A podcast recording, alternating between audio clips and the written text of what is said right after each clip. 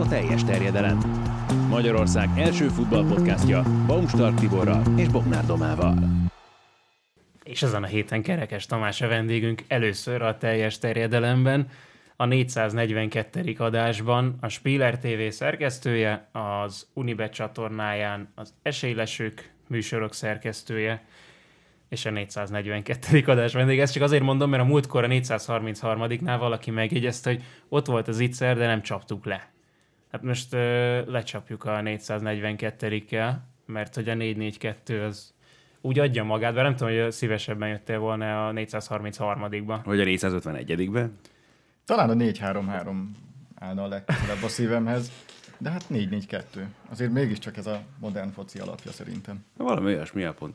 Amikor elkezdtem focit nézni, akkor ugye az NBA-ben mindenki három védőzött, meg három öt kettőzött, és akkor az volt a csoda, hogy valaki úgy, négy védős rendszer, ilyen van, ilyet lehet játszani, és persze akkor már válogatottak mindenki, nagy csapatok mindenki négy védővel játszott, pláne négy négy kettővel. Catenaccio.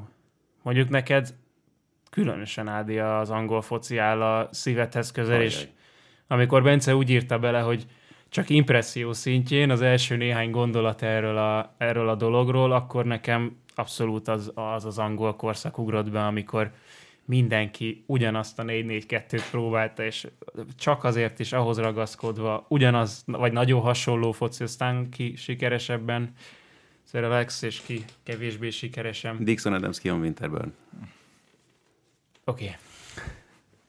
Ez Arsenal kezdő volt? De hát az a klasszik, a teljes alkoholista védelem annak idején.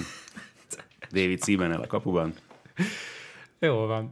Tehát akkor a 442. adásban a Spiller TV és az Univet csatorna szerkesztője. Azért erről is mondjál néhány szót, hogyha már így először vagy nálunk, hogy milyen, hogy tetszik, érdemesem a még szerkesztőnek menni Magyarországon. Szerintem a sportriporterkedésnek ez a talán legkreatívabb formája, hogyha valaki szerkesztő akarna lenni. Meg azért mennyire jó, hogy külön veled is dolgoztam már itt-ott, Ádival is most már egyre többet dolgozunk együtt, úgyhogy végre ebben a, vagy ezen a platformon is együtt Te dolgozunk. rángatsz minket bábuként. Erre én rángatok is, csak egy mikrofon szerintem biztos, hogy ez így de Ja, ja. több rángatózás nem lesz, ezt megígérem. Igen, igen, igen. Hogyha, hogyha Domát a spanyol műsorokban valamit azt látjátok, hogy jobbra ugrik egyet, akkor az biztos, hogy én mondtam. ja. A háttérben. Nem mindig ez, ez van, ez a ködös, hogy akkor a szerkesztő, az, mi- az micsoda? Az, miért van ott tulajdonképpen? Miért nem, legy, Szerkesztő nélkül nincsen adás igazából. miért nem vagy- megy le magától a műsor, ugye? Így van, csak ugye Magyarországon nagyon nincs kultúrája annak, hogy a, a szerkesztői létet olyan hű de magasra emelnék, vagy, vagy elismernék. Hát vagy ismernék nyilván, hogy ezt is hozzátehetjük azért, hogy nem ez feltétlenül. Tehát nyilván, akiket látnak, hallanak, azokkal azokat ismeri valóban igazából az ember, és ritkában esik azokról az emberekről, akik meg egyébként, vagy akiknek a munkája nélkül nem igazán tud messzállni az adás, mert az, hogy például milyen okosan szépen beszélgessünk majd izgalmas témákról, amik várnak majd rátok itt a mai adásban, abban például hogy a Bencének nagyon nagy szerepe van, aki a mi adásainkat szerkeszti. Így van, és a szerkesztőnek talán, főleg az ilyen műsorokban, mint amilyen az esélylesők, vagy mint amilyen a TT, még nagyobb szerepe van, mert mi is rengeteg meccset nézünk, mi is dolgozunk hétvégén, de ezt ugyanúgy a szerkesztőnek is át kell látnia, hogy meg tudja szerkeszteni az egészet. Hát, gondolom, Mederbe terelni, meg aztán kordában tartani a- az Ja. adást. igen. Tehát, hogy ez, ez iszonyatosan sok meccsnézést is igényel, nem? Így van, ebben a szezonban szerintem nem tudom, a, a legkedvencebb elfoglaltságom lett az, hogy mindent is újra, meg, meg élőben is próbáljam követni, de, de igen, amit, amit lehet élőben, de amúgy rengeteg meccset visszanézek, és Stabil gerincsérv. meg szemüveg. Megszemű. Jó van, hét pillanata, vagy hét vége pillanata. Öm, Tomi, tiéd a megtisztelő feladat, hogy elsőként prezentált, hogy mi az, ami itt megragadta a fantáziádat a Kettő hétvégén? dolog jutott eszembe. Az egyik nyilván Luis Diaz duplája Brazília ellen, ugye a, a családja szemelátára, és hogy ennek milyen emocionális fontossága volt, hogy, hogy ott volt az édesapja és az édesanyja is a lelátókon, és Brazíliát ezzel a duplával verni, úgyhogy hátrányban volt a csapat, ez szerintem mindenképp egy, egy lenyűgöző pillanat volt. A másik, amit választottam, az inkább mókás, hogy tegnap rendezték meg első ízben Spanyolországban a kabala figurák olimpiáját, Amit érdemes Twitteren visszanézni, elég sok, sok ember dokumentálta ezt, amit végül a Valencia kabalája nyert meg, de itt uborkadobástól, szlalomozáson át minden hmm. lehetséges, elképzelhető. Nem meglepő módon a Valencia kabalája egy denevér. Viszont az uborkadobás ugye onnan jön, hogy a Leganesnél amúgy is, ha valakinek nem mondana semmit ez a név néhány éve első osztály, most továbbra is másodosztály, de egyébként nem állnak rosszul a följutást tekintve. Szóval a Leganesnél nagyon figyelnek erre, és a közösségi platformokon rendszeresen azt láthatjátok, hogy ők viccelődnek, odaszúrnak, odamondanak, próbálnak erre figyelni, és ők rendezték meg ezt is, ugye ezt is már biztos mondtuk, a Leganesnek egy uborka a kavala állata, mert ott Madrid külvárosában... Kabala zöldsége, jó? Kabala zöldsége, bocsánat. Megszemélyesítés, ugye, egy bizonyos formája. Szóval, hogy ők rendezték ezt meg, és mekkora ötlet. Tehát, hogy próbáltak egy kis publicitást keríteni, és sikerült így a válogatott szünet az érdekes, is. Amerikában egyébként gyakran látunk olyat, hogy például NBA meccseken valamelyik kabala figurának születésnapja van, és akkor több másik csapatnak ott vannak a kabala figurái a mérkőzésen, vagy baseball meccseken van, hogy futóversenyeket rendeznek például a szünetekben a kabala figuráknak, meg hasonló dolgok, úgyhogy... Ez is mennyit hozzá tud adni a körítéshez, hogyha nem csak azért mész oda mondjuk, hogy csinálj vele egy fotót, hanem tudod, hogy ja, ő hát ezt csinálta, meg a másik, ő azt, meg azt hiszem sokak számára egy juhúval kapcsolatban derült ki, hogy lett világos, hogy azért kabala figurának lenni az egy nagyon komoly meló, és hogyha valaki azt jól csinálja, akkor az igazán profi dolog tud lenni. Ez nálunk még ugye kevésbé gyakori dolog, de itt az atlétikai évben azért kiderült, hogy ezt, ezt nagyon komoly szinten lehet űzni. Persze. De persze őt is Amerikából szerződtettük, szóval, van, hogy hozzá kell tenni. Egy... Véletlenül se egy hazai kiváló. Hát, hát mert nálunk tényleg nincsen ennek még múltja, kultúrája, hasonló. Hát persze, amikor azt, azt hiszed, hogy jó, akkor leöntöm az egyik nézőt egy zsák popcornnal, ahogy Benny the Bull csinálja a Chicago Bulls meccsén, mekkora móka, így jön magától, de hogy így jön magától, hát meg kell tervezni ezeket a dolgokat. Na mindegy, ilyen, ilyen rendezvényünk is volt. Luis Diaz édesapja, az nagyon szép történet. De egyáltalán tényleg az, hogy milyen meccsen sikerült ezt még ráadásul összehozni a Diáznak is. Ugye már azt is hallottuk, hogy a Liverpoolnál ugye szervezkednek, hogy majd itt a karácsonyi bajnokira az egész családot áthozzák Európába, hogy együtt tudják majd nézni, úgyhogy kezd szépre vagy jóra fordulni ez a történet. Főleg úgy, hogy szerintem itt nálunk kicsit kiesik a, a látókörből, főleg az EB selejtezők, VB selejtezők válogatott szünet alatt, hogy mi is történik Dél-Amerikában. Hát igen, főleg, hogy ott már tényleg a VB selejtezők tartanak, úgyhogy azért ott ja. is vannak izgalmas dolgok. Ezt hallottátok, hogy a Liverpool ugye külön gépet küld a dél-amerikai játékosaiért, és de ebben van ráció, meg ezt, vissza. ezt, azt mondom, hogy ezt csinálják már egyébként többen, hogy így begyűjtik a játékosaikat, hogy egyrészt mindenki időben odaérjen, meg tényleg egyszerűbb összeszervezni magát az utazást is ilyenkor. Hát ahol különösen nagy kolónia van, akik rendszeresen járnak ezekre a dél-amerikai selejtezőkre, azokat szerintem érdemesebb ilyen, ilyen kiszolgálni. Gyorsabban visszaérnek az edzésekre, ugye hát Real Madridnál volt ez elég sokáig ilyen, hogy az a pár óra, az a négy-öt óra is pluszt jelent, amit igen. együtt tölthetnek még a csapattal. Addig még lesérülhetnek Dél-Amerikában, úgyhogy próbálják minél inkább gyorsabban visszahozni. Hát, ugye a dél-amerikai játékosok egyébként is notórius késve hazaérők, úgyhogy Igen. Ezt is jobb, jobb, ezt is jobb kornál. Mert most pont ugye a cseh válogatott tartott elég komoly bulikákat, és He. több embert is haza kellett küldeni a klubjukhoz, mert a Night Clubból összeszedve őket már inkább az edzésre nem vitték el. Ami bizonyos játékosoknál ugye radar alatt marad, de Vladimir Czófá például tudjuk, hogy hol játszik, és mondjuk Londonban ezt kevésbé nézik jó szemmel egy PL csapatnál. De ha már így áttértünk Európába, Ádi? E, ezzel gondolkodtam, mert amit ugye előzetesen nektek mondtam, vagy választottam hét pillanatát, az ugye Kylian Mbappé-nak a gólja, az egyik gólja, ugye a Gibraltáriak elleni 14 0 győzelem alkalmával, ez a majd félpályáról megeresztett emelés. Már csak szoros volt, is, nem? Igen, egyrészt szoros volt a mérkőzés is, azt meg közelről csak be kellett pöccintenie, de a gyerekes, hogy mostanában látunk egy pár hasonló gólt, hogy ott volt Herikének a félpályás gólja, aztán múltkor szegény Dimárkónak a hasonló oldalvonal mellől megeresztett góljáról azt hiszem talán nem is tettünk említést az adásban, hogy legalább egy ilyen tartozást is sikerül ezzel rendezni. De aztán volt még egy dolog, ami nekem meg tegnap itt a miénk meccse után szúrtam, de lehet, hogy erre már érdemes lenne akkor visszatérni, amikor majd foglalkozunk a magyar válogatottal, de Szoboszlai Dominik nyilatkozata a sajtótájékozaton szintén érdekes volt. Kezdjük a franciákkal szerintem, mert ez a 14 0 nyilván nem mindennapi, sőt, nem csak francia rekord, hanem EB-s elejtezőn is korábban. A Németország San Marino 13-0 volt a legnagyobb eredmény még 2006-ból talán, és fölveti nekünk a kérdést, hogy bár ez már tét nélküli volt, mert tudtuk, hogy a franciák első, Gibraltár utolsó, de hogy akkor szükségünk van-e ezekre az EB-s elejtezőkre? Persze.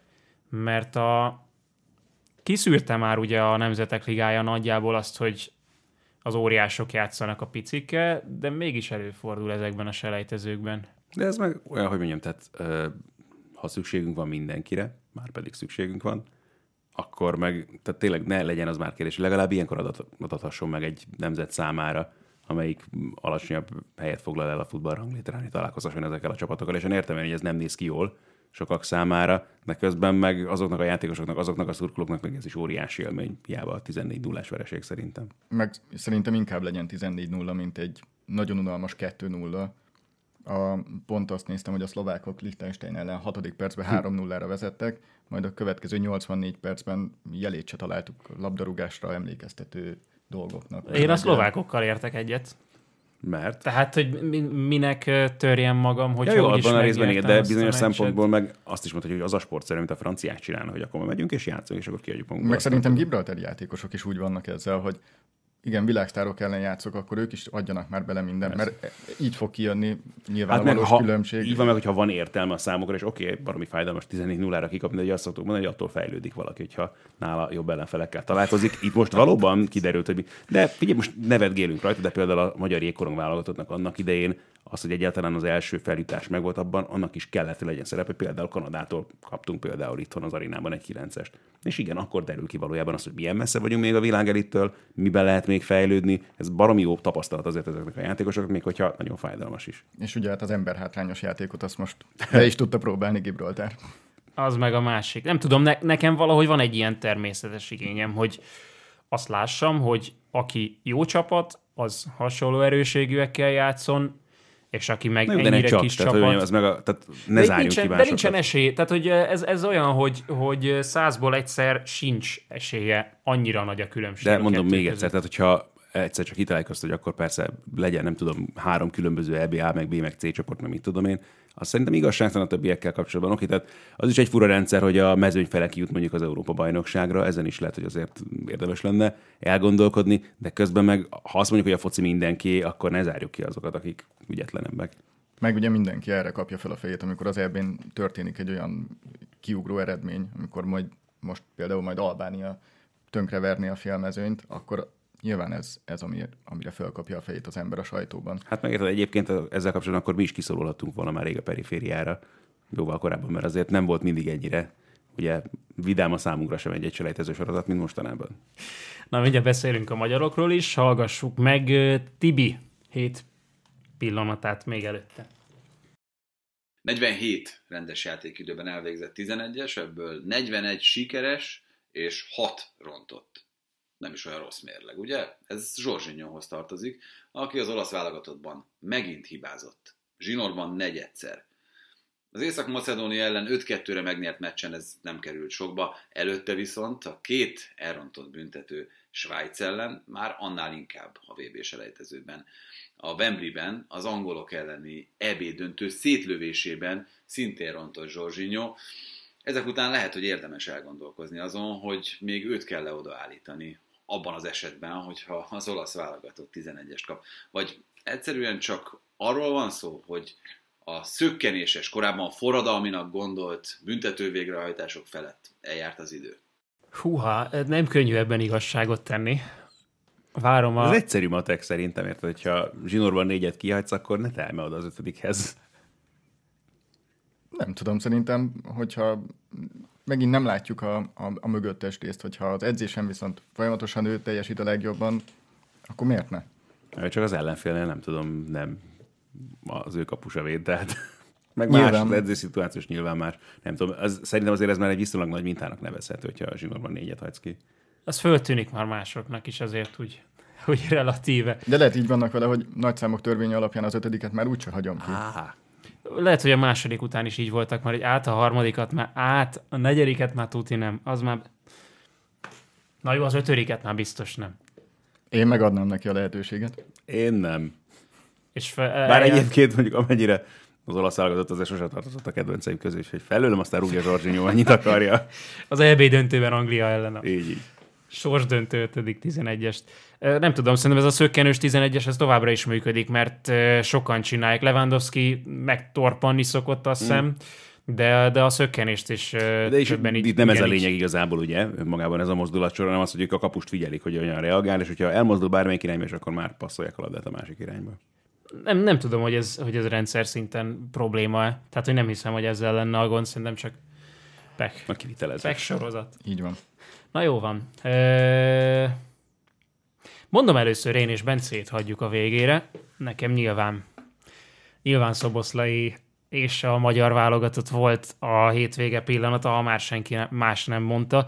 Az a szerencsétlen dolog jött ki most vasárnap, hogy otthon néztem ezt a meccset, tévén ráadásul, és főleg azért, mert nem volt akkora tétje, nem is igazán figyeltem, főleg a, az elejét látva, hogy, hogy milyen a játék, hogy nem nyilván nem ad be, vagy nem szedi szét egymást a két csapat, és aztán jött a második félidő, és nem lehetett nem figyelni. Tehát, hogy amit Szoboszlai csinált, jó végre azt átélni, amit ilyen játékosok esetében más nemzetek már ezerszer átélhettek. Tehát azt mondta még Dárdai Pál, hogy Zsuzsák a magyar válogatott legjobbja. De, ugye De azt, hogy- hogy egy, egy Jennings van, ugye Zsuzsák Egy, Balázs. igen. Amivel egyébként feltétlenül akkor sem értettem egyet, mert azért volt egy Gera Zoltán is akkor még a keretben, aki lehet, hogy persze már azért mondjuk pályafutása vége felé közelített, de akkor is. Én nekem ő inkább zseni, itt lehet, hogy mondjuk Dárda is inkább arra gondolt, hogy a, a, volt egy kiemelkedő képességű játékos akkor a magyar válogatottnak nyilvánvalóan Zsuzsák személyében. Most is ez a helyzet egyébként azért alapvetően. Tehát, hogy olyan szinten nem tudsz hasonlítani senkit, de szerencsére most már nem csak azért a magyar válogatottban, hanem egyre inkább azt hiszem, hogy mindenki számára világos lesz, hogy azért nemzetközi szinten is Dominik az egyre szűkebb elit tagja kezd lenni.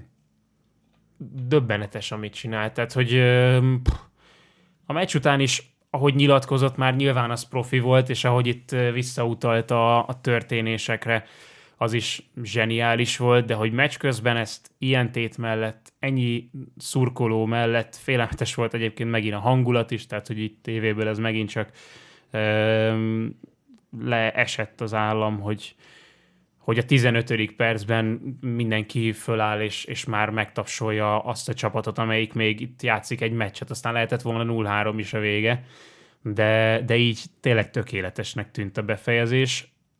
És aztán mondott egy olyat Szoboszlai, nem tudom, hogy te melyiket akartad kiemelni a nyilatkozatnak a különböző Amikor, részeiből. Mint Michael Jordan took it personal. Ja, a, hogy a nyolcas- nyolcas játékos. Meg, megmutattam neki, hogy hová jött. Igen, igen, igen, igen.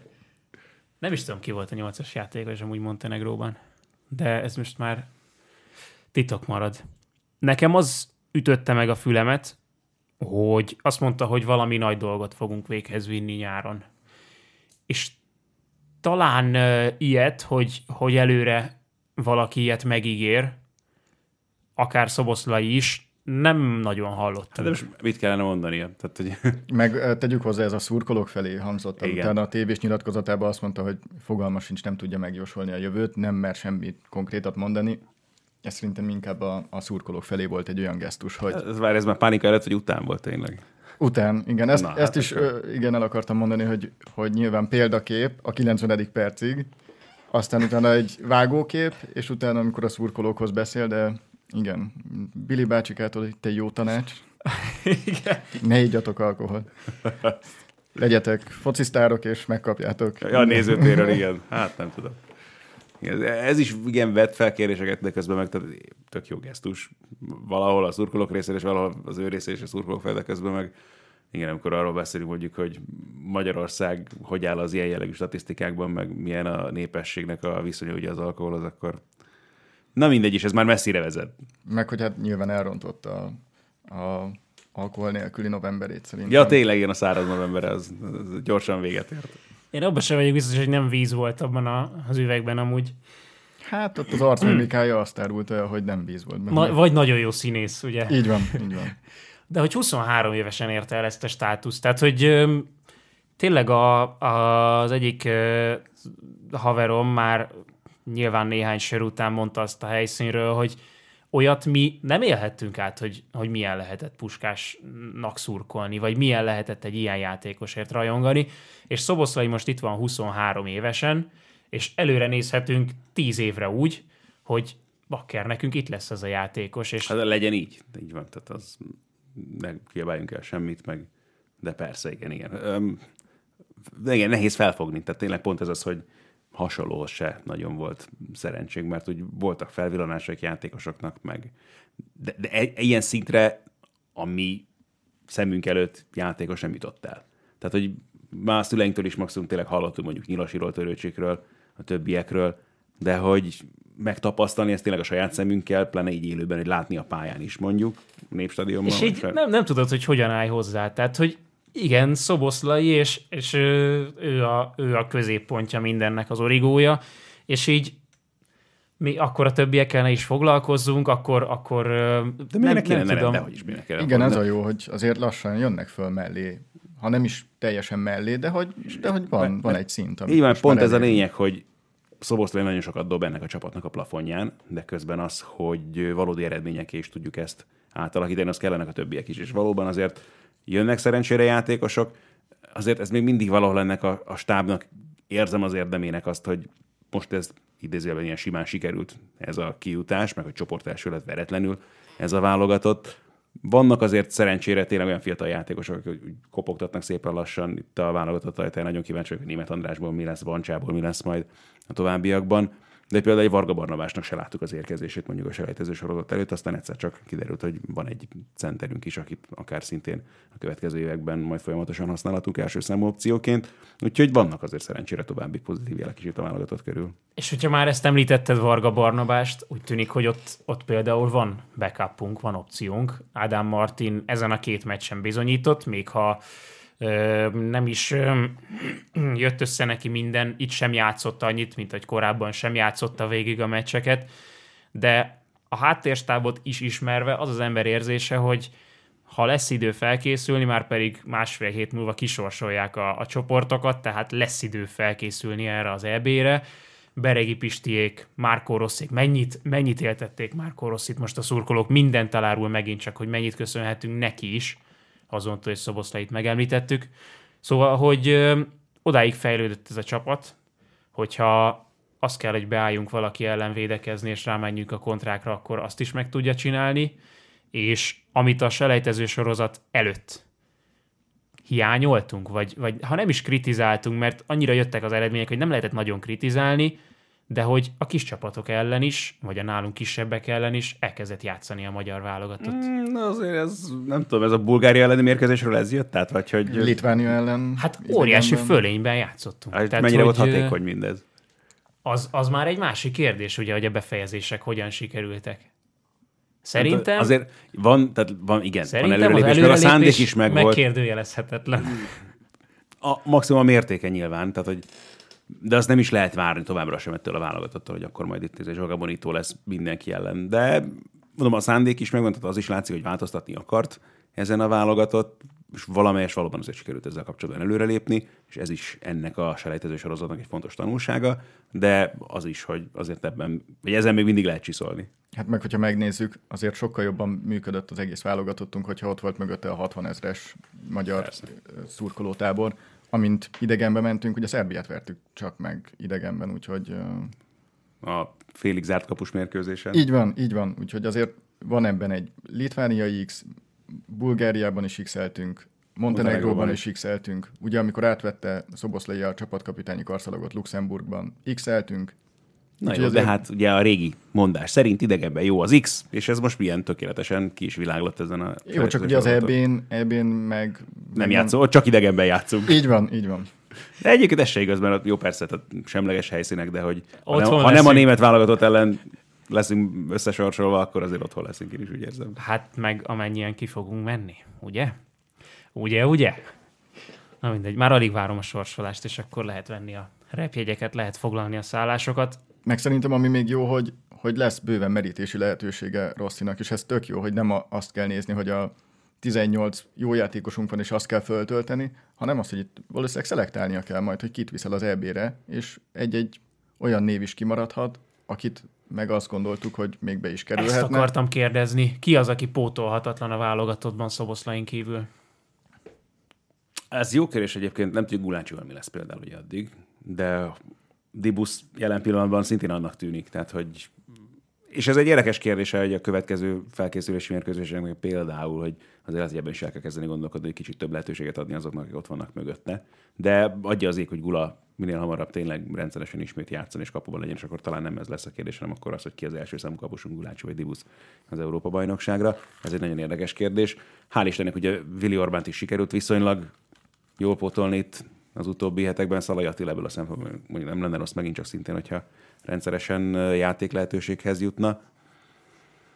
A középpálya is egy érdekes kérdés azért már, meg ott is láttunk több mindenkit itt ebben a sorozatban, de lehet, hogy ott, ott meg nem is tudom, pótolhatatlan, hát még Nagy Ádám esete érdekes ebből a szempontból, hogy arra a posztra se nagyon van továbbra sem. Azt hiszem olyan játékos, aki hogy nagyon jelentkezne és szorongatná őt.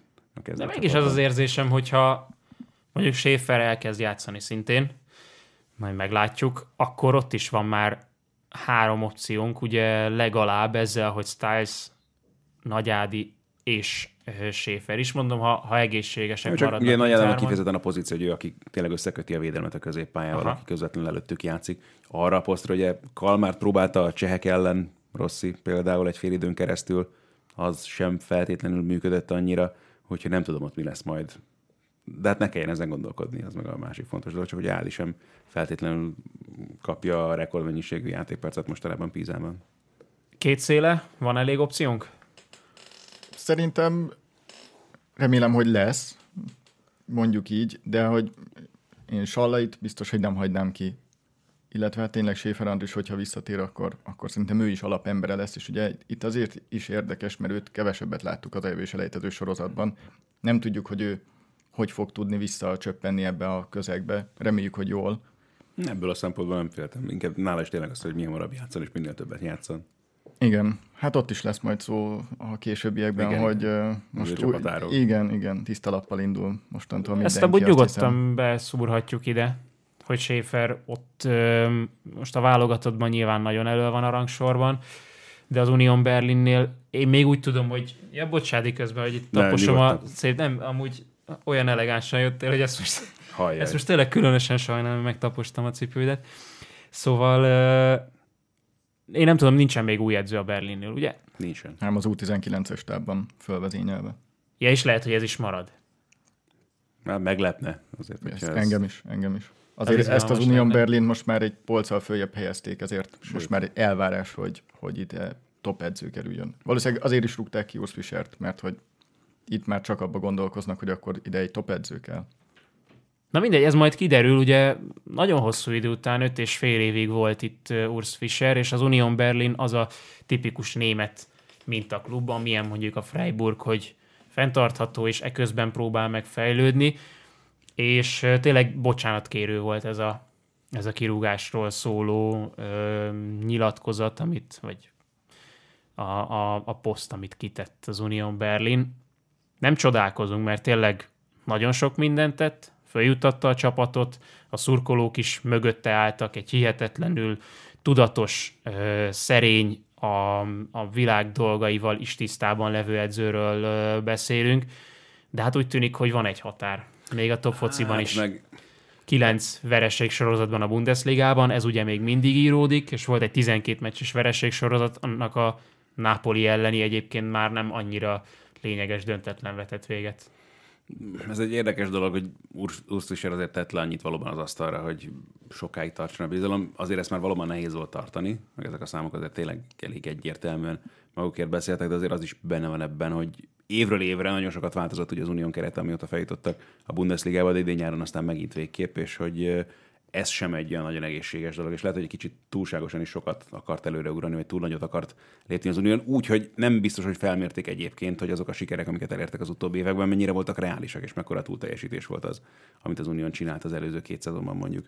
Ez az izgalmas, hogyha a számokat nézzük, akkor, akkor az van itt mögötte, hogy iszonyatosan pehes idén az Unión. Tehát, hogy tavaly túl teljesített, beszéltünk már erről itt Tavaly, a podcastben. az elmúlt három évben. Így van, amit a fejtoltak a Bundesliga-ban gyakorlatilag ez volt a helyzet.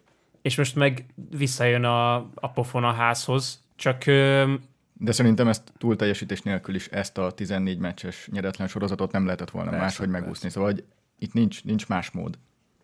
mint az edzőmenesztés. Így Igen, van. csak el Muszáj. kell gondolkozni azért feljebb is, hogy mi vezetett idáig, mert mondom, szerintem az sem könnyítette meg feltétlenül Fischel. Ebben persze ki fog nemet mondani arra, amikor ilyen játékosokat meg ennyit hoznak egy csapathoz, de közben meg szerintem egy csapat szellemnek sem tesz feltétlenül nagyon jót.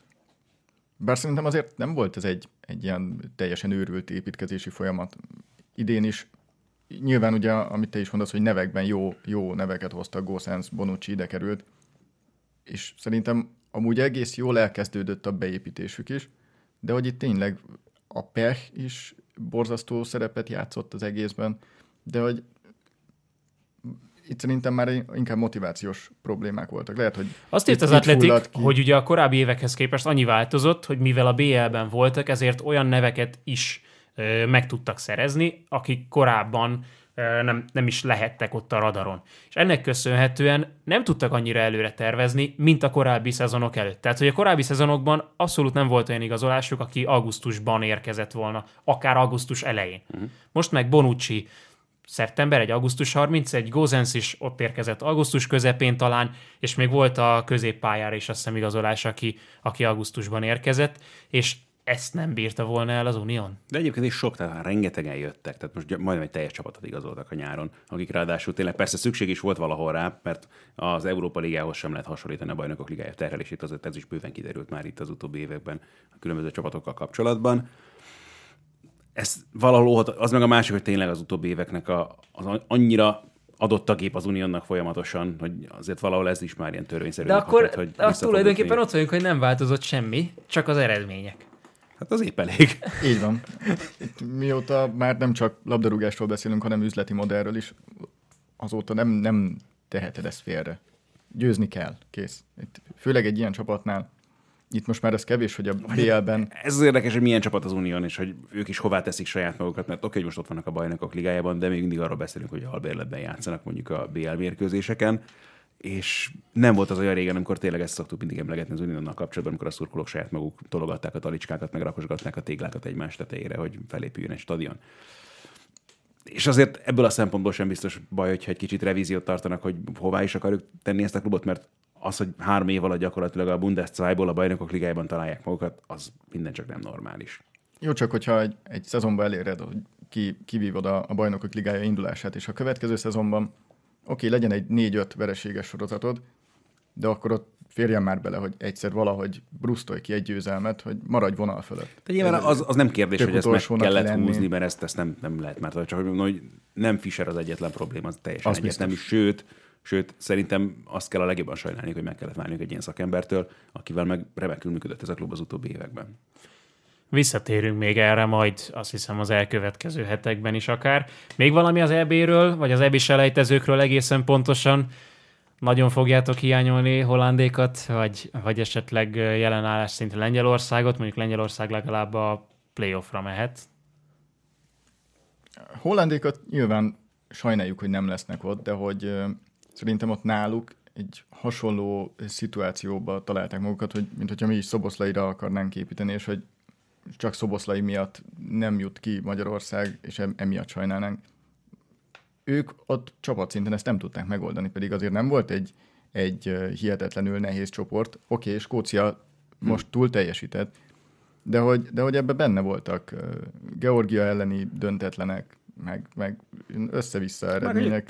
Már Van egy jó keret azért alapvetően ennek a norvég válogatottnak, tehát, hogyha csak, tehát eleve már nem csak Hollandról kell nyilván beszélni, Martin Ödegaard legalább annyira fog hiányozni szerintem akkor ebből a szempontból már egy Európa bajnokságon.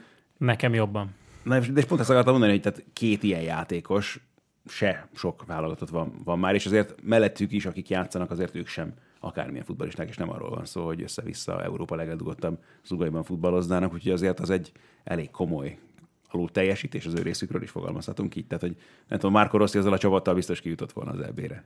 Azt tuti. Azt néztem, valaki írt a Twitterem, hogy az északi csapatok valamiért nem. nem működtek úgy. Ugye Dánia a végén ö, biztosította be a, a kijutást, de ők most már legalább biztosan kint vannak. Svédország botrányos volt, ö, Finnország most nem jött össze, és Norvégia mellett még Izland. Eltűnt a Jó, futballtérképről de- de- de- hirtelen. Izland esetében is. Izlandot egy kicsit a válogatottak Unión Berlinje azért az utóbbi évtizedben, fogalmazzunk így, azt azért az is várható. Meg ott volt azért egy generáció, akik közül többen is voltak, akik nagyobb, tehát meg tudták mutatni magukat, komolyabb szinten is volt egy olyan gerinc, amire lehetett építeni. Nekik is jól jött azért ugye, hogy növelték uh, például az EB mezőnyét. Um, Finnországtól meg aztán végképp nem hiszem, hogy reális lett volna elvárni azt, hogy megint kijussanak az EB-re. Tehát nekik is az előző EB szereplés egy, egy elég komoly ajándék volt. Hát Izlandhoz még annyit, ugye, hogy milyen vicces, hogy Eidur Gudjonsennek most már a fia játszik Hm. a válogatottban, és szerzett gólt, úgyhogy tényleg itt le, lefolyt egy olyan generációváltás, amire nem mondhatjuk, hogy azonnal sikereket fognak elérni, és hogy az elvárható lenne.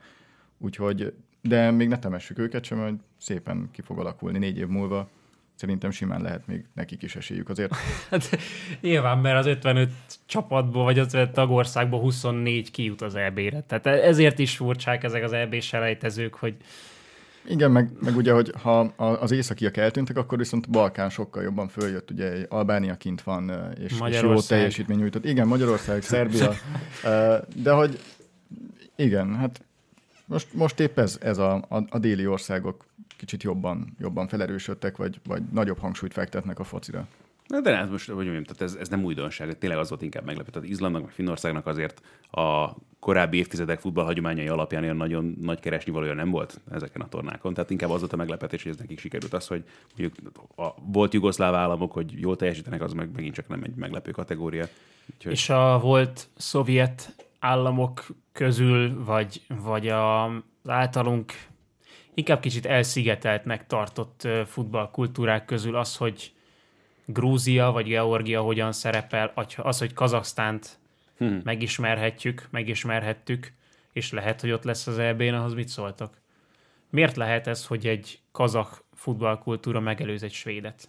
Azért ott is ömlött a pénz a fociba az utóbbi években, azért azt is hozzá kell tenni. Tehát a kazahoknál azért nem spóroltak egyáltalán ezzel kapcsolatban. Hát és náluk ugye egy kicsit előbb elindult az a folyamat, ami most a Fradinál, hogy, hogy évek óta ott vannak. Szerintem most már lassan egy 7-8 éve az Asztanának a, a csapata fixen ott van valamelyik európai kupaporondon, úgyhogy ö, és ezáltal, mivel ők adják a válogatott gerincét, ez, ez szerintem rohadt sokat dob azon, hogy a válogatottjuk utána Meg náluk is azért ők is tudtak profitálni mondjuk a Nemzetek Ligájából például. Ez is egy fontos dolog, még hogyha sokszor nevetgetünk is azon, hogy milyen csapatokkal kellett játszani, aztán azért kiderült, hogy van egy-két olyan játékosuk, akiket érdemes azért komolyabban venni. Meg nyilván náluk is ugye a hazai pálya előnye, a, a műfüves pálya, Igen, igen, a igen, igen. rengeteg utazás. 10 ezer kilométeres Így utazás. van, így van, hogy ezek, ezek mind tudnak egy olyan pluszt adni számukra, amit ők viszont kihasználnak, és ez megint fontos. Hallgassuk meg Bence. Bence hét pillanatát. A Premier League néhány nappal ezelőtt 10 pontos levonással sújtotta az Evertont. A büntetés egy most már hosszú hónapok óta folyó eljárás első eredménye. A liga szerint az Everton a Premier League belső pénzügyi fair play szabályzatát szekte meg, átlépve a még megengedett adósságállomány mértékét. Azért fogalmaztam úgy, hogy a liga szerint, mert az Evertonnál szentül hiszik, hogy még bent maradtak a szabályokon belül, és például a stadion projektjükben felvett kölcsönöket megfelelőképpen tudták elkönyvelni. A liga szerint ez nem igaz, ezért a 10 pontos levonás. És az egy extra pikantériája az ügynek, hogy a Chelsea-vel kapcsolatban hirtelenjében, a Manchester City-vel kapcsolatban pedig teljesen jogosan, a velük szemben még jelenleg is párhuzamosan folytatott eljárás kapcsán. Mindenféle híresztelés kapott szányra itt az elmúlt napokban, de azért fontos ezt a különbséget meghúzni, míg az Evertonnál egy ilyen könyvelési probléma van, addig a Manchester City-nél a bevételeknek az eredetét is megkérdőjelezi a Premier League, tehát a két ügy teljesen más, de azért azt mindenféleképpen föl lehet vetni, hogy vajon mekkora büntetés fogja érni a Manchester City-t, ha az Everton ezért az ügyért mínusz 10 pontot szenvedett el. Quiz kérdés. Levonnunk tőlük százat, ezeret. 1200, vagy mi 1150-et kéne, hogyha a szabályszegésenként 10 pontot nézünk, úgyhogy lemehetnek a Következő 20 kvíz kérdés. osztályban. Erling Haaland hány gólt fog lőni a negyed osztályban? Negyed, Ja, hát bocsánat, akkor igen. A quiz kérdésem az az lett volna, hogy melyik csapattól vontak le utoljára pontot a Premier ez Premier League-ben. League-ben. Ez a Portsmouth volt. lehet. Yes. És Szép. én azt, azt néztem, hogy ők csődejárás alá kerültek, és csak 9 pontot vontak le tőlük, Igen. úgyhogy nem, nem is értem, hogy ezek után az Evertontól hogy lehet 10 pontot levonni. E, tehát ez az első kérdésem, hogy miért éppen 10 pont? Na jó, hát ez, ez az, amit aztán megmondani nem fogunk tudni. Tehát most ki milyen módon, hogyan osztotta ki meg. Azért azt is tegyük hozzá, nem tudom, ti, hogy vagytok vele, hogy ez az a része a futballnak, ami talán a legkevésbé mozgatja meg a fantáziámat, úgyhogy nem is nagyon szívesen merülök el ezekben a, A mocsárban? Így van, igen, igen, a, a pénzügyi mocsárban. Igen, meg ez is azért egy, egy olyan kellemetlen dolog, hogy a, Azt játékosok, akik magadtól így a mikrofont, hogy én ebből most kiszállok. hétről hétre küzdenek, nekik nyilván semmi közük nincs ahhoz, hogy milyen pénzügyi szálak mozognak a háttérben, és mégis ők kapják a büntetést, mert most a, a klub attól még ugyanúgy ezt a tevékenységet folytatni fogja, hogy a pénzeket ide meg oda pakolgatja. Ez, Pont ezért ez, a legsúlyosabb büntetés ugye a pont levonás, és pont az olaszoknál beszéltünk arról, a Juve kapcsán nyilván, hogy az egy dolog, hogy így úgy büntetik a csapatokat, hogy akár átigazolási időszakokból is kizárják őket. De azzal, hogy pontot vonsz le tőlük, azzal nem a klubot úgymond büntetett, hanem a játékosokat és az edzőt, akik a munkát beleteszik.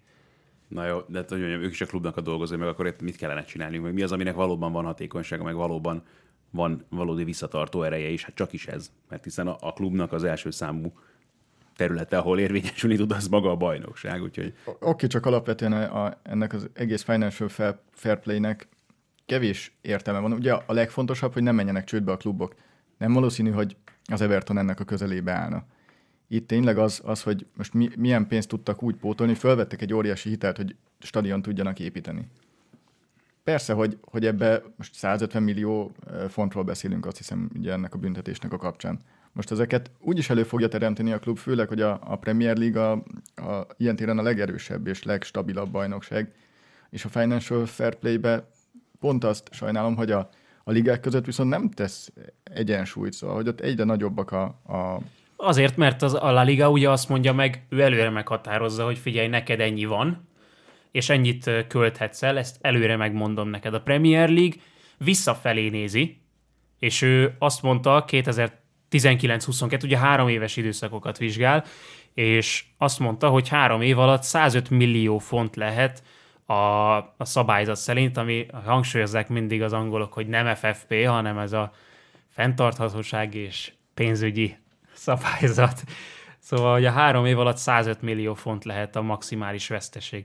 És azt mondja a Premier League, amiben én teljesen egyetértek velük, hogy ez egy iszonyatosan nagy összeg. És ugye az Everton meg biztos, hogy tudta ezt, és biztos, hogy ott is ment a matek, de azt mondták, hogy jó, hát hogyha ennyivel, annyival túllépjük, akkor talán még beleférünk. És itt arról volt szó, hogy 19,5 millió fonttal lépték túl ezt a 105 milliós veszteségi határt, tehát három év alatt az Everton 19 és 22 között 124,5 millió fontnyi veszteséget termelt. Hát amúgy is azért elég nagy volt az a, az a takaró, amit adott a Premier League, hogy eddig nyújtózkodhatsz, de az Evertonnak ez nem volt elég, ezek szerint. Jó, csak hogyha másik szempontból nézzük, akkor ez két játékost eladsz, és bejön az ára. Hogy ez e, e, ilyenkor meg olyan ki nevetségesnek az a két hangzik. játékos most? Richarlison volt az egyik, ugye, akiről azt mondták, hogy 80 millióért szeretnék eladni, és ez volt az egyik kifogása az Evertonnak, hogy hát ha sikerült volna 60 helyett 80ért eladni, akkor már is a pénzünknél De nem vagyunk. sikerült, tehát most ez, ez meg, meg Ezért, nonsense, igen, tehát hogy abszolút egyetértek, hogy, hogy ott van 105 millió. Jó, Juventus ezt megoldotta volna, egyszerre lekönyvelték 80 millióval, aztán hello. Ilyen egyszerű. És ez a baj, hogy a City meg ezt csinálja. City Group, ennyi. Meg kell oldani, hogy legyenek olyan kis fiók csapataid, ahonnan átmosod egyik helyről a másikra a. Hát, vagy csak szimplán nem írod bele a, a, a könyvelésbe. Tehát, hogy a, az Evertonnál azért volt nagyon egyszerű ezt az egészet lefolytatni, mert minden ott volt, minden bizonyítékkal együtt, hogy ez megtörtént, ez így történt, és ö, ilyen kölcsönt vett föl az Everton a stadionépítésre, és előtted a bizonyíték, hónapok alatt le lehet zongorázni az egész ügyet. Ugye a Manchester City, erről is beszéltünk már korábban, 115 pontban sértette meg a, a szabályzatot. Azt a 115 pontot, mikor az UEFA-nál a Spiegelnek a cikkei meg bizony, kiszivárogtatott e-mailjei alapján ott megtámadták, akkor a City egyesével minden egyes bizonyítékot, minden egyes e-mailt, ahogy tudott, megtámadott, hátráltatta az ügyet, hátráltatta a döntéshozást, mégis megbüntették őket két évre, de ott fellebbezhettek a CAS-nál, a Nemzetközi Sportdöntőbíróságnál, és itt is ugyanez a helyzet, hogy már elindult az eljárás, de minden egyes ilyen dokumentumot kétszer, akkor az utolsó pillanatig, az utolsó határidőig kitolunk, akkor nem akarjuk odaadni, akkor megtámadjuk. Tehát, hogy így azért borzasztó nehéz lesz döntést hozni. De kiszámított arra, hogy ez könnyű, vagy pont ez a lényeg ebben az egészben. De igazságtalan, mert a, az Everton Ö, hogyha az egészét nézzük az ő szabályszegésüknek, akkor sokkal kisebb mértékű, mint a Manchester city Mégis, Jó, mivel... nem tudjuk még, hogy mi lesz a vége a Manchester City-vel szemben ennek az egésznek. Hát ez az, elévül majd biztos. Csak nem. Szóval hogy ott is van ez, a Chelsea-nél is azt írta az Everton a hivatalos közleményében, hogy a klub nagy érdeklődéssel fog követni minden a pénzügyi fenntarthatósági szabályzattal kapcsolatos ügyet a közeljövőben. az egészségük. Az a másik, hogy Na, mindegy, tehát ez baromi nehéz helyzet nyilván, meg mit mondjanak akkor, amikor kap valaki egy ilyen büntetést, de azért, hogyha megbüntetnek, és nyilván nem jogtalanul teljesen, akkor azért szerencsésebb csendben maradni, és inkább tenni a saját dolgunkat. Bennem továbbra is rengeteg a kérdés. Hát nyilván. Tehát, hogy miért, miért most, miért ők? És hogyha már említettük ezt a Portsmouth-t, ez a, a Premier League amióta Premier League, azóta itt az élvonalban ez az harmadik pontlevonás mindössze. És az előző kettőnél ki is esett a Middlesbrough is, és a, és a Portsmouth is. De amikor azt láttuk is érkezni, mondjuk az Everton se feltétlenül mutat olyan egészséges életjeleket magáról az utóbbi években. De itt szerintem inkább az, hogy, hogy nem vagyok benne a szervezet bűnözésbe, de hogy minél nagyobb Aha. szinten csinálja. Érdeklődéssel fogjuk figyelni az ezzel kapcsolatos híreket a továbbiakban. Minél nagyobb szinten csinálja az ember, annál könnyebben tudja ezeket eltusolni, és, és szerintem ezt látjuk évről évre az összes ilyen helyzetben, hogy hát Manchester meg... City-nél sokkal egyszerűbben a három könyvelő által kiradírozott, hát meg, meg ide-oda. A City-nél az valószínűleg sokkal jobban kis van építve ez az apparátus, így van, szükséges, így van. meg valószínűleg sokkal inkább tervezték ezeket a dolgokat, az sem véletlen. Igen, igen, úgyhogy itt, itt inkább csak erről van szó, hogy az Everton nem fektetett ebbe akkora energiát, hogy ezeket elpalástolja. Valahogy így.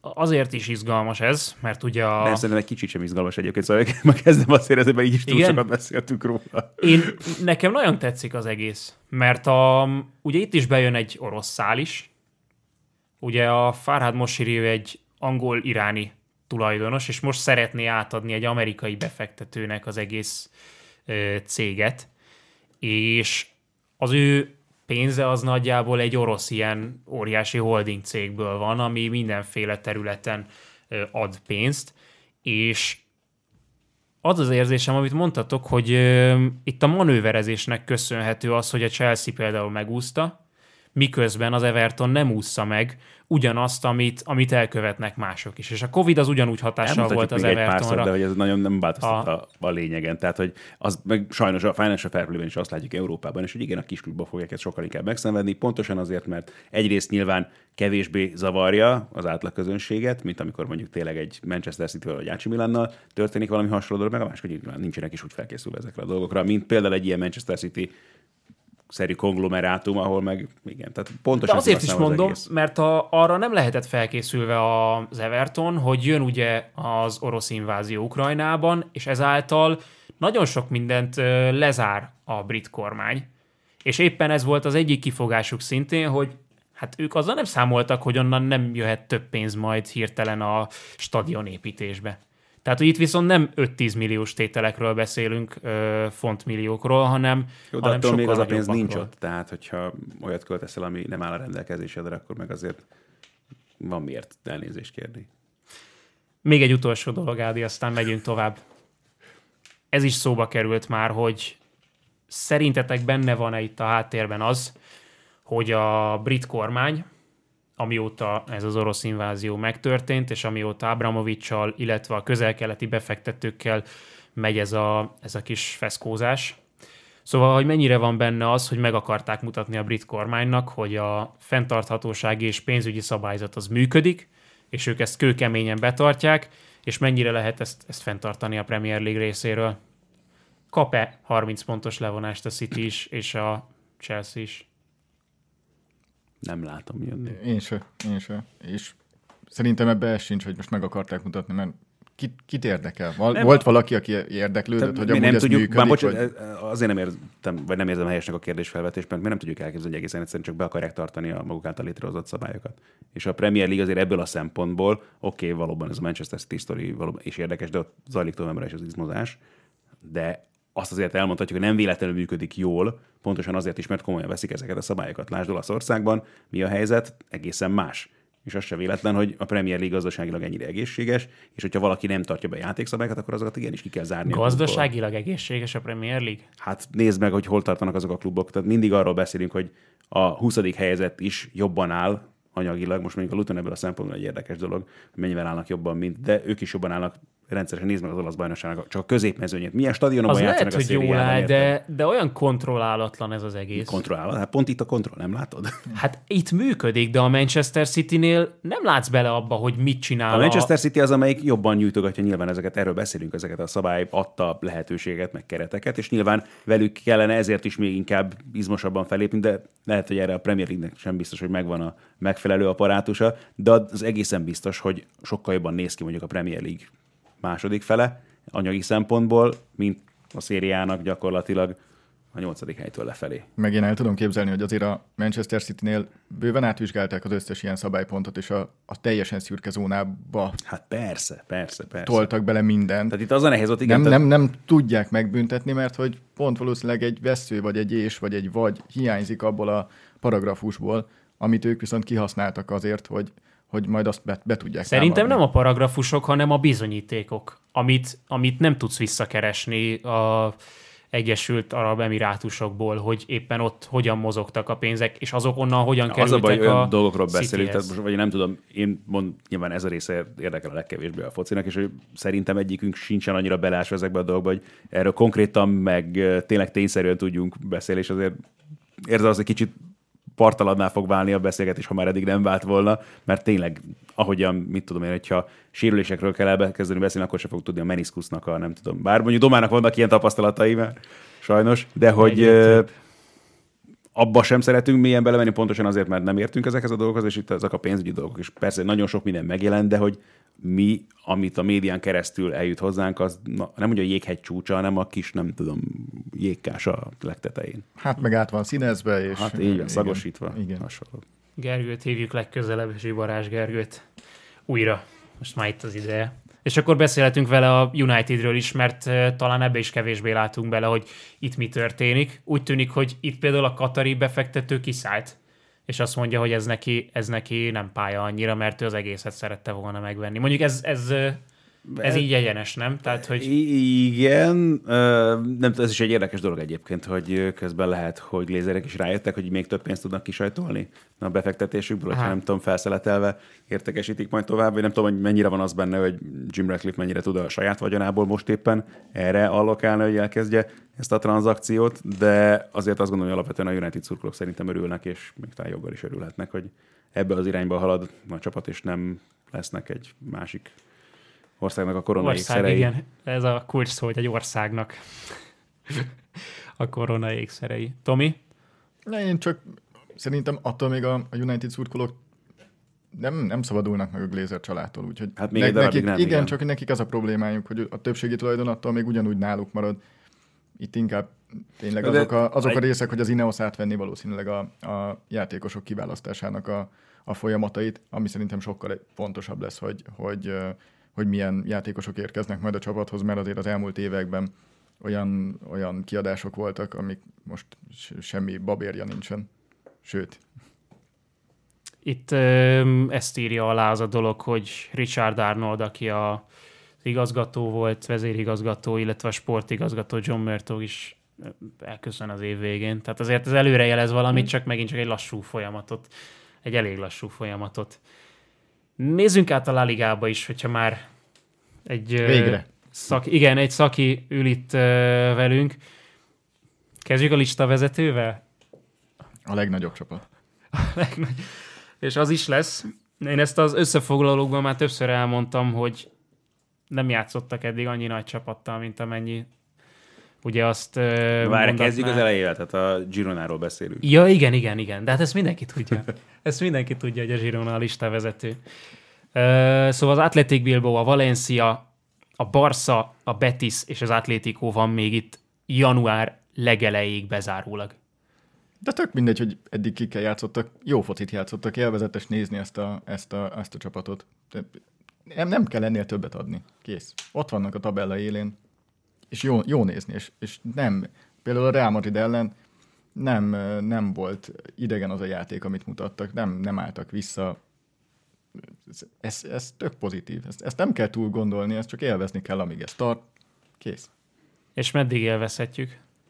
Hát szerintem ezt a szezon most már, még hogyha nem tudom, be is jön egy-két kínosabb baki, akkor is a top 4-be le tudják hozni. Hú, az szerintem nagyon optimista kijelentés, meg nem is biztos, hogy a legfelelősségteljesebb. Azt mondjuk tegyük hozzá, hogy igen, tehát ki az, akire azt mondani, hogy biztos a helye a top 4-ben, Real Barca, Atletico, és onnan kezdve az ember kevésbé magabiztos az ember ezekkel a dolgokkal kapcsolatban, és mondjuk igen, ha megnézzük, hogy a Sociedadnak is még lehet, hogy ki fog nyúlni ez a bajnokok ligája kaland, akkor az is vet fel kérdéseket utána már akkor viszont nem nagyon látsz olyan erőteljes jelentkezőt, aki joggal. És azt meg látjuk, ugye, hogy ezek a közepes csapatok ellen meg, meg, meg működik a Zsirona játéka. Arra leszek kíváncsi, hogy amikor egyszer valaki elkezd visszaálltabban játszani, ugye a Cadiz és a Celta volt ez talán eddig, akik, akik egy kicsit visszaálltak ellenük, de hogy azokat is behúzták egy nullákra, oké, okay, volt abban a szerencse, meg, meg, meg a Celtától elvettek egy tökérvényes gólt, de attól még ezeket behúzzák, és, és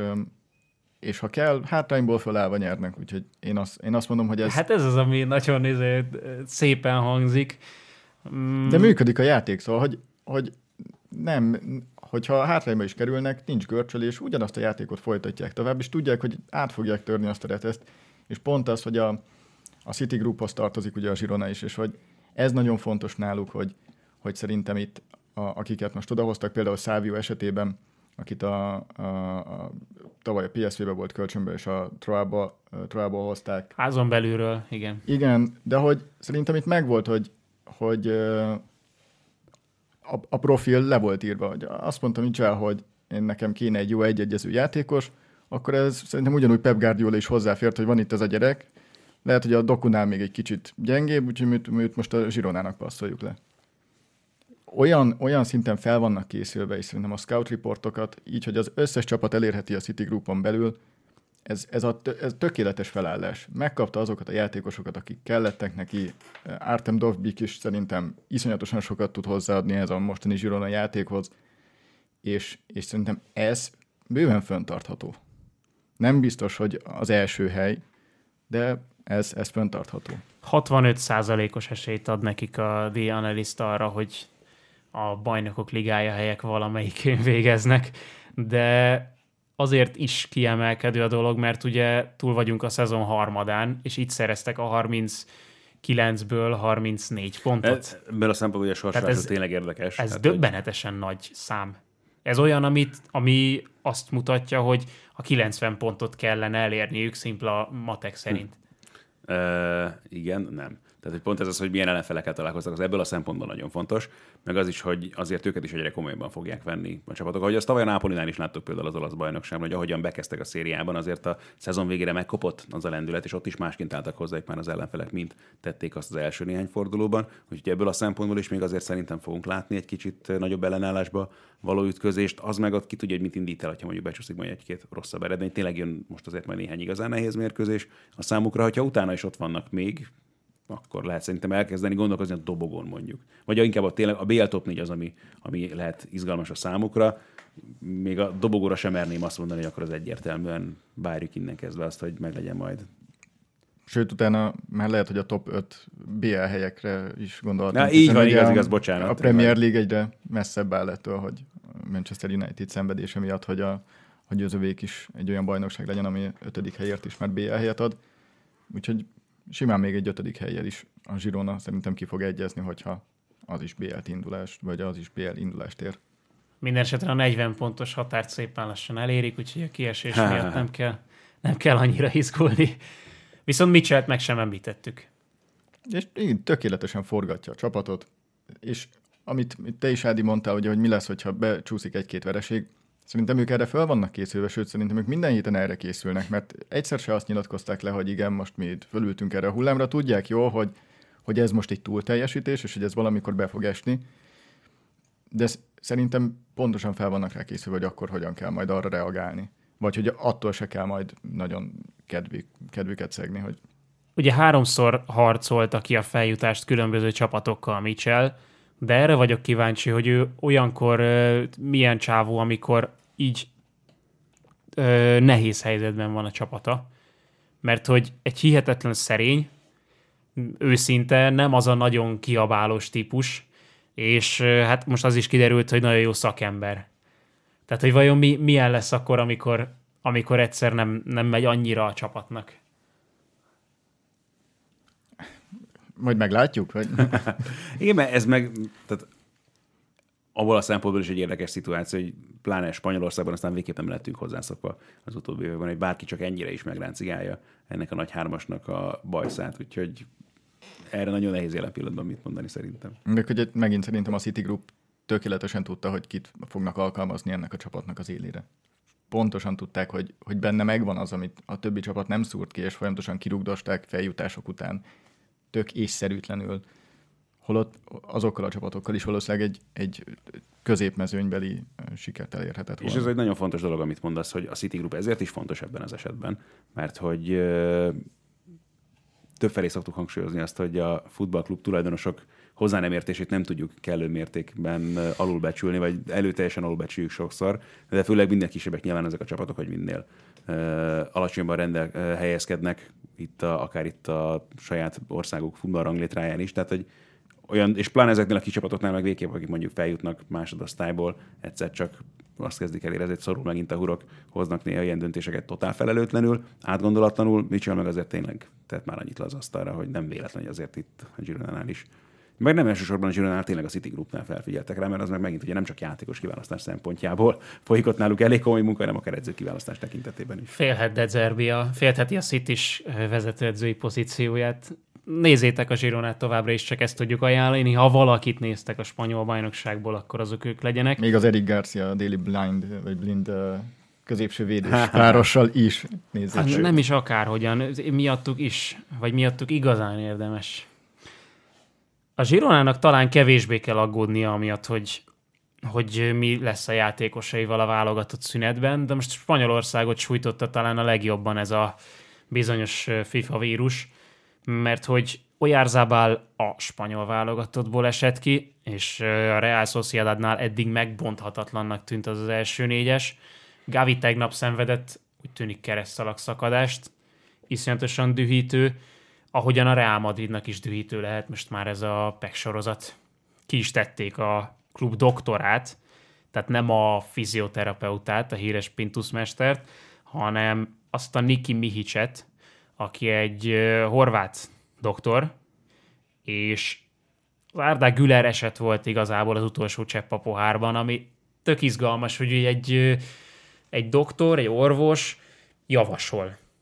És Mihic egy, egy ilyen ebből a szempontból konzervatívabb ö, doktor volt, ezért is értik meg, értették meg egymást jól Pintusszal, mert ugye Pintus is a, a hagyományos módszerekben hisz inkább, és azt mondta uh, Mihic általában, hogy próbáljuk meg uh, műtét nélkül. És Gülernél is ez volt, hogy nyáron még műtét nélkül kezelték a sérülését, és most is ezt ö, javasolta, de most nem jött be. Ez ilyen félig szerencse, vagy ne beszéljünk most- erről, Ádi, Pont mert- ezt akartam véget, tehát, hogy erre utaltam már a korábbiak, hogy megint egy olyan ö, helyre tévedtünk, ahol azért nem mozgunk otthonosan, úgyhogy se röntgeneket, se útrangokat nem látta a Márta Güler lábáról sem, meg Mihics úrnak se ismerem behatóan a teljes korábbi pályafutását, úgyhogy De azért az számomra egy kicsit nonsens, hogy most Arda Gülerről van szó, akármennyire is Real Madrid játékos, de most nem a, nem tudom, Vinicius dölt ki. de ez mindegy, mert ez már ki lehetett volna viszont ebből a szempontból, érted? Tehát lehet, hogy Jude Bellinghamnek ugyanígy kezelte volna, és akkor vele nem tudnak számolni. Itt inkább arról van szó a spanyol beszámolók alapján, hogy többször volt már ilyen. Nyilván minden egyes alkalommal van egy orvos, aki azt mondja, hogy műtsük, van egy orvos, aki azt mondja, hogy nem műtsük.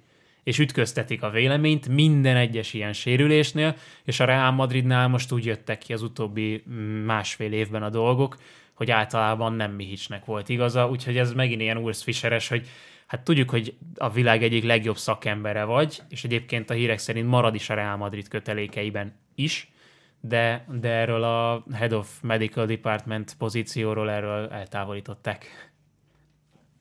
De tényleg itt minden játékos más és más. Most az egyiknél a műtét segít, a másiknál nem, ezt nem tudod előre, nem, nem, nem látsz bele a izomrostjaiba, vagy, vagy még se, sehová. Ezt, ez tényleg vakszerencse, hogy most nála eltaláltad, hogy nem műtsük, vagy a másiknál, hogy műtsük, és akkor ez, két meg, most, ez megint csak az, hogy nem tudjuk, vagy nem tudom, te hogy állsz, az orvosi tanulmányait hol tartanak, de hát hogy... az a, hasonlóan a bűnözési uh, rátáimmal az is elég alacsonyan van, remélem. Kamavinga, Chuameni, Vinicius Junior gond? Gond, de hogy ez, ez megint egy tök nagy szerencsétlenség. Kamavinga is, hogy edzésen sérül meg, nem tudsz vele mit csinálni. Nyilván ugye évek óta megy a lobbizás, hogy hadd ne kelljen már elengedni egy-egy kulcsjátékosomat a, a válogatotthoz, de ez meg megint nem fair. Miért ne akarna bárki is, főleg fiatalon még a válogatottba játszani, csak azért, mert a másik helyen viszont töm, tömik a zsebeimet milliókkal soha, ebbe soha nem lesz igazságtétel. E, ezek benne vannak, de igen, ez óriási gond most a Real Madridnak, mert konkrétan, nem is tudom, 17 épkézlábjátékosa maradt a keretben. És a középpályán fogyott el leginkább ugye a csapat, maradt Modric, Kroos, Ceballos, Valverde és Brahim Diaz. Ú, hát borzasztó. Szörnyű, tényleg, ez, ez vállalhatatlan névsor. Na de ugye mindenki a sérültek közül 2023-ig kiesett, vagy 2024-ig kiesett.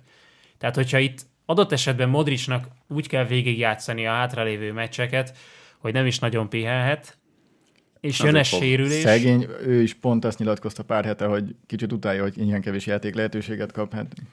Itt a remek lehetőség a bizonyításra a horvát válogatottban is néztem, hogy még ezt a utolsó néhány percet is végig kellett játszani a ki ellen is játszottak? Hát még már hozzá van elszokott, tehát láttuk azért tényleg EB-n, vb is, hogyha 120 percet játszik a horvát válogatott, akkor Modric annyit van a pályán. Úgyhogy... És két nap múlva ugyanúgy tud Pontosan. 120 percet játszani, úgyhogy jó, hát baj, akkor... Bajnak baj, igen, de hogy ettől nem hiszem, hogy egy ilyen A Vinicius szörnyen... szerintem akkor már egy fokkal érdekesebb egyébként, mert ugye előre azért még kevésbé van meg a Real Madrid, és azért ott is ugye már eleve az, hogy Hosszelut annyit használja Ancelotti amennyit, de hogy ha nincsen Vinicius és Rodrigo, akkor azért már szokta vakargatni is a fejét. Most a Vinicius ugye egy darabig nem lesz, akkor most ha tényleg csak Hosszelu meg Rodrigo van előre, akkor mi lesz a megfejtés majd? Azért most már ez a Bellingham gyerek vissza fog térni, szerintem ez a válsérülés, ez ennyi volt, úgyhogy ott se kell túl sokáig aggódni, és nem ott lesz, ott lesz hogy elfogytak az opció igazából Ancelottinak, mert ugye még valamit lehetett játszani azzal, tényleg akkor hozzájuk kezdett néha behozta valamelyikük helyére, de hogy igazából nincsen nagyon más ember ezekre a posztokra. Hát Brahim Diaz lehet, hogy majd ki fogja próbálni. Még többször, mert bevált az elején. Brahim Diaz egy klasszikus tízes? Vagy nem az? Hmm, olyasmi, olyasmi. Az áll még neki talán a legjobban fogalmazunk így. Csak azért mondom, mert uh, Iszkót még nagyon szeretném, hogyha megbeszélnénk. Tehát ahogyan kezdte, 12 meccsből 8-szor ő volt a, a meccs legjobbja. Az, azokon a meccseken, ami Isco eddig... is took it personal. Pontosan. Hát főleg a Sevilla ellen. Igen, Igen hát azért ez teljesen egyértelmű neki. Ez a zöld-fehér mez, ez olyan lendületet adott neki ben az évadban, hogy ez lehet az egyik fontos megfejtés szerintem. Na de a tízeseket azért említettem, mert Manuel Pellegrini, aki bár korosodik, de, de mit sem veszít az edzői képességeiből. Főleg, olyan, hogyha nem öltöny van rajta, hanem hanem melegítő, így van. Olyan tízeseket talált föl újra, hozta vissza őket a topra, vagy fedezte föl, mint a Malagában ugye már Isco és Santi Cazorla. Ott volt neki Rikelme a Villarrealban. Ezt az, talán nem ő fedezte fel, ezt szerintem hozzátehetjük. Ez igen. az, hogy, hogy újra, újra felfedezte őket. Vagy akkor használta őket igazán jól, akkor tudta belőlük kihozni a legjobbat, amikor mások már talán kevésbé bíztak bennük. A City-nél ott volt David Silva és Samir Nasri. És, őket is fel kellett fedezni. És itt a Betisben meg Canales, Fekir, és most megint Isco. Canales tízes? Én szerintem amúgy igen. Ő, ő abszolút. ő nálam abszolút betöltötte azt a szerepet. Játszott, meg jól játszott nyilván, amikor játszott, de hogy nekem nem az itt egyébként róla eszembe alapvetően, hogy a pályafutása nagy részét azért szerintem inkább hátrébb töltötte. Mert rosszul használták. Ja, igen. De, de, Pellegrini, de Pellegrini tudja, még azt is tudja, hogy hogyan kell együtt játszatni Kánál ezt és Fekirt. Azért ez, ez most izgalmas lesz, hogy most Isco és Fekirt, hogy fogja együtt játszani, Ez mert ezt még annyira nem láttuk, csak egy pár perc erejéig. Na, de erre talán azon gondolkozom, hogy lehet, hogy nem itt beszélgettünk róla, de hogy annak idején a Lyonban azért Fekirt volt, hogy használták hátrébb is, és hogy az sem állt neki feltétlenül akkor nagyon rosszul, most nyilván azóta eltelt egy pár év, de hogy erre kíváncsi leszek, hogy esetleg húz meg ilyet majd Pellegrini később. Az alázatos Fekir, aki segít védekezésben. Úgy legyen, úgy legyen. Azért Iszkó formája egyéb kérdéseket is fölvet. Például, hogy hogy lehetett az, hogy ő fél évig nem játszott sehol, azok után, hogy a Sevillánál összeveszett Moncsival. Hát ugye elment Berlinbe először, Hogy lehet az, hogy az Unión Berlinnel nem sikerült megállapodni? Hát úgy, hogy már ott volt a kinyomtatott szerződés, ami csak alá kellett volna írni, amikor azt hogy "Mm, ezt a kis számot, Egy nullát. nullát. már meg egy kicsit. Igen. És így, így nem csoda, hogy azt mondták neki, hogy nine danke. Mennyire szép lett volna egy Iszkó Unión Berlin sztori? Most ott a Nem, Bundesliga mint hogyha utolsó így, helyén? nem, mint hogyha így bánkódnék, de akkor valószínűleg nem az utolsó helyen állnának jelen pillanatban. Hát, Nem, nem tudom. biztos. Itt szerintem itt nála nagyon fontos a, a, a William Zsozéval való köteléke. Ők nagyon egymásra találtak, és szerintem ebbe, a, a, ebbe megint Pellegrini nagyon beletalált, hogy nem a Borja Iglesias Mhm. uh-huh. erőlteti a kilencesként, hanem, hanem a William Zsozét, és most nyilván ezt nem biztos, hogy át tudod ültetni egy másik csapatba is. hány ilyen játékos van, aki mintha nem tudná kihozni az igazán ö, tökéletes önmagát, akár a Real Madridban. Azért mondom a Real Madridot, mert a Real Madridnál fordul elő ez talán legtöbbször. Nyilván az ilyen nagy csapatoknál kellenek rossz igazolások is, mert egyszerűen annyi ilyen nevet igazolnak. Iszkónál viszont ugye azért elég korai odaigazolásról beszélhetünk, és 5 BL trófeáról, amiből bőven volt, amiből kivette a részét, és 2018-ban a VB előtt úgy állt a helyzet, hogy Lopetegi a szövetségi kapitány, és Lopetegi lesz a Real Madrid edzője, Isco pedig ennek központi szereplője, mert hogy Iscónak kell a bizalom, ezt a pszichológiai problémát többször is hallottuk már nála, hogy, hogy öm, kell neki az, hogy tökéletesen bízzanak benne, és ott valami megtört. Hát jó, Mégsem ez, igazolt el a Real Madridból. De amit te is mondtál, neki kell a bizalom. Most megkapja az összes játék lehetőséget, amit kérhet. A Real Madridban nyilván nem fogják, amíg van rotációs lehetőségek, nem fogják odaadni neki mind a 38 bajnoki meccset, plusz mellé még a... Miért nem igazolt el 13. korábban? Na hát miért nem igazolt Berlinbe? Pénz. Javol? Beszél? Azért nyilván neki is megvannak azok a... Hát az, ha van egy olyan szerződésed, mint amilyetnel rendelkeznek a játékosok általában a Reálnál, azt érthető módon nehezen engedél az ember. Lásd Iden Azár esetét. És Tehát... ahhoz képest, igen, hogy Gerett Balehez meg Azárhoz képest azért egy kicsit jobban kijött ebből a szituációból, úgyhogy ez azért becsülendő, de az meg megint nem igen, hogy most pénzes, amikor a végtelen már ott van, akkor miért kell még a végtelen plusz egy, és nem mész el inkább focizni valahová, ahol, ahol szakmai program is van mögötted. Hát ez meg a, megint nagyon messzire Így van, visz így van. minket ez a beszélgetés, de közben meg mind a két szempont értető nyilvánvalóan. Hát ha focizásról van szó, akkor most tényleg azt látjuk, hogy élvezi.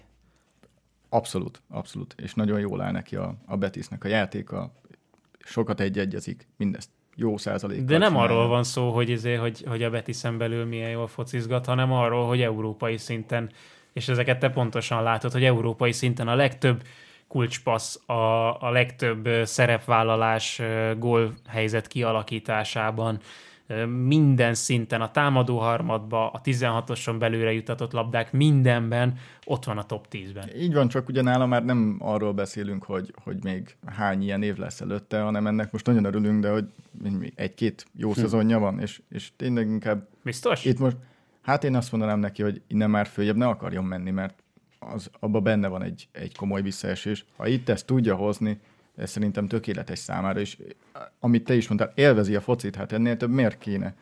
Egy éves szerződést kapott, De pont ezt akartam mondani, hogy nézd meg Joaquin, tehát hogy lehet, hogy ebből a szempontból a Betis egy jó terep Így van, itt az így idősebb játékosok számára is. Lehet, hogy klublegenda lesz a Betisnél Isco Alarcon.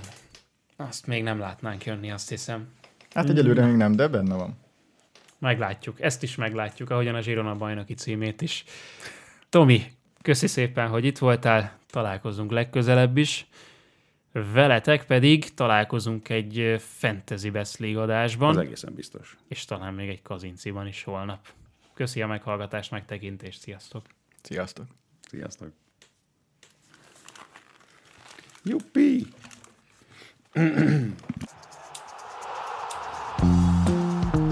Ez a teljes terjedelem. Magyarország első futballpodcastja Baumstark Tiborral és Bognár Domával. Ez a műsor a Béton közösség tagja.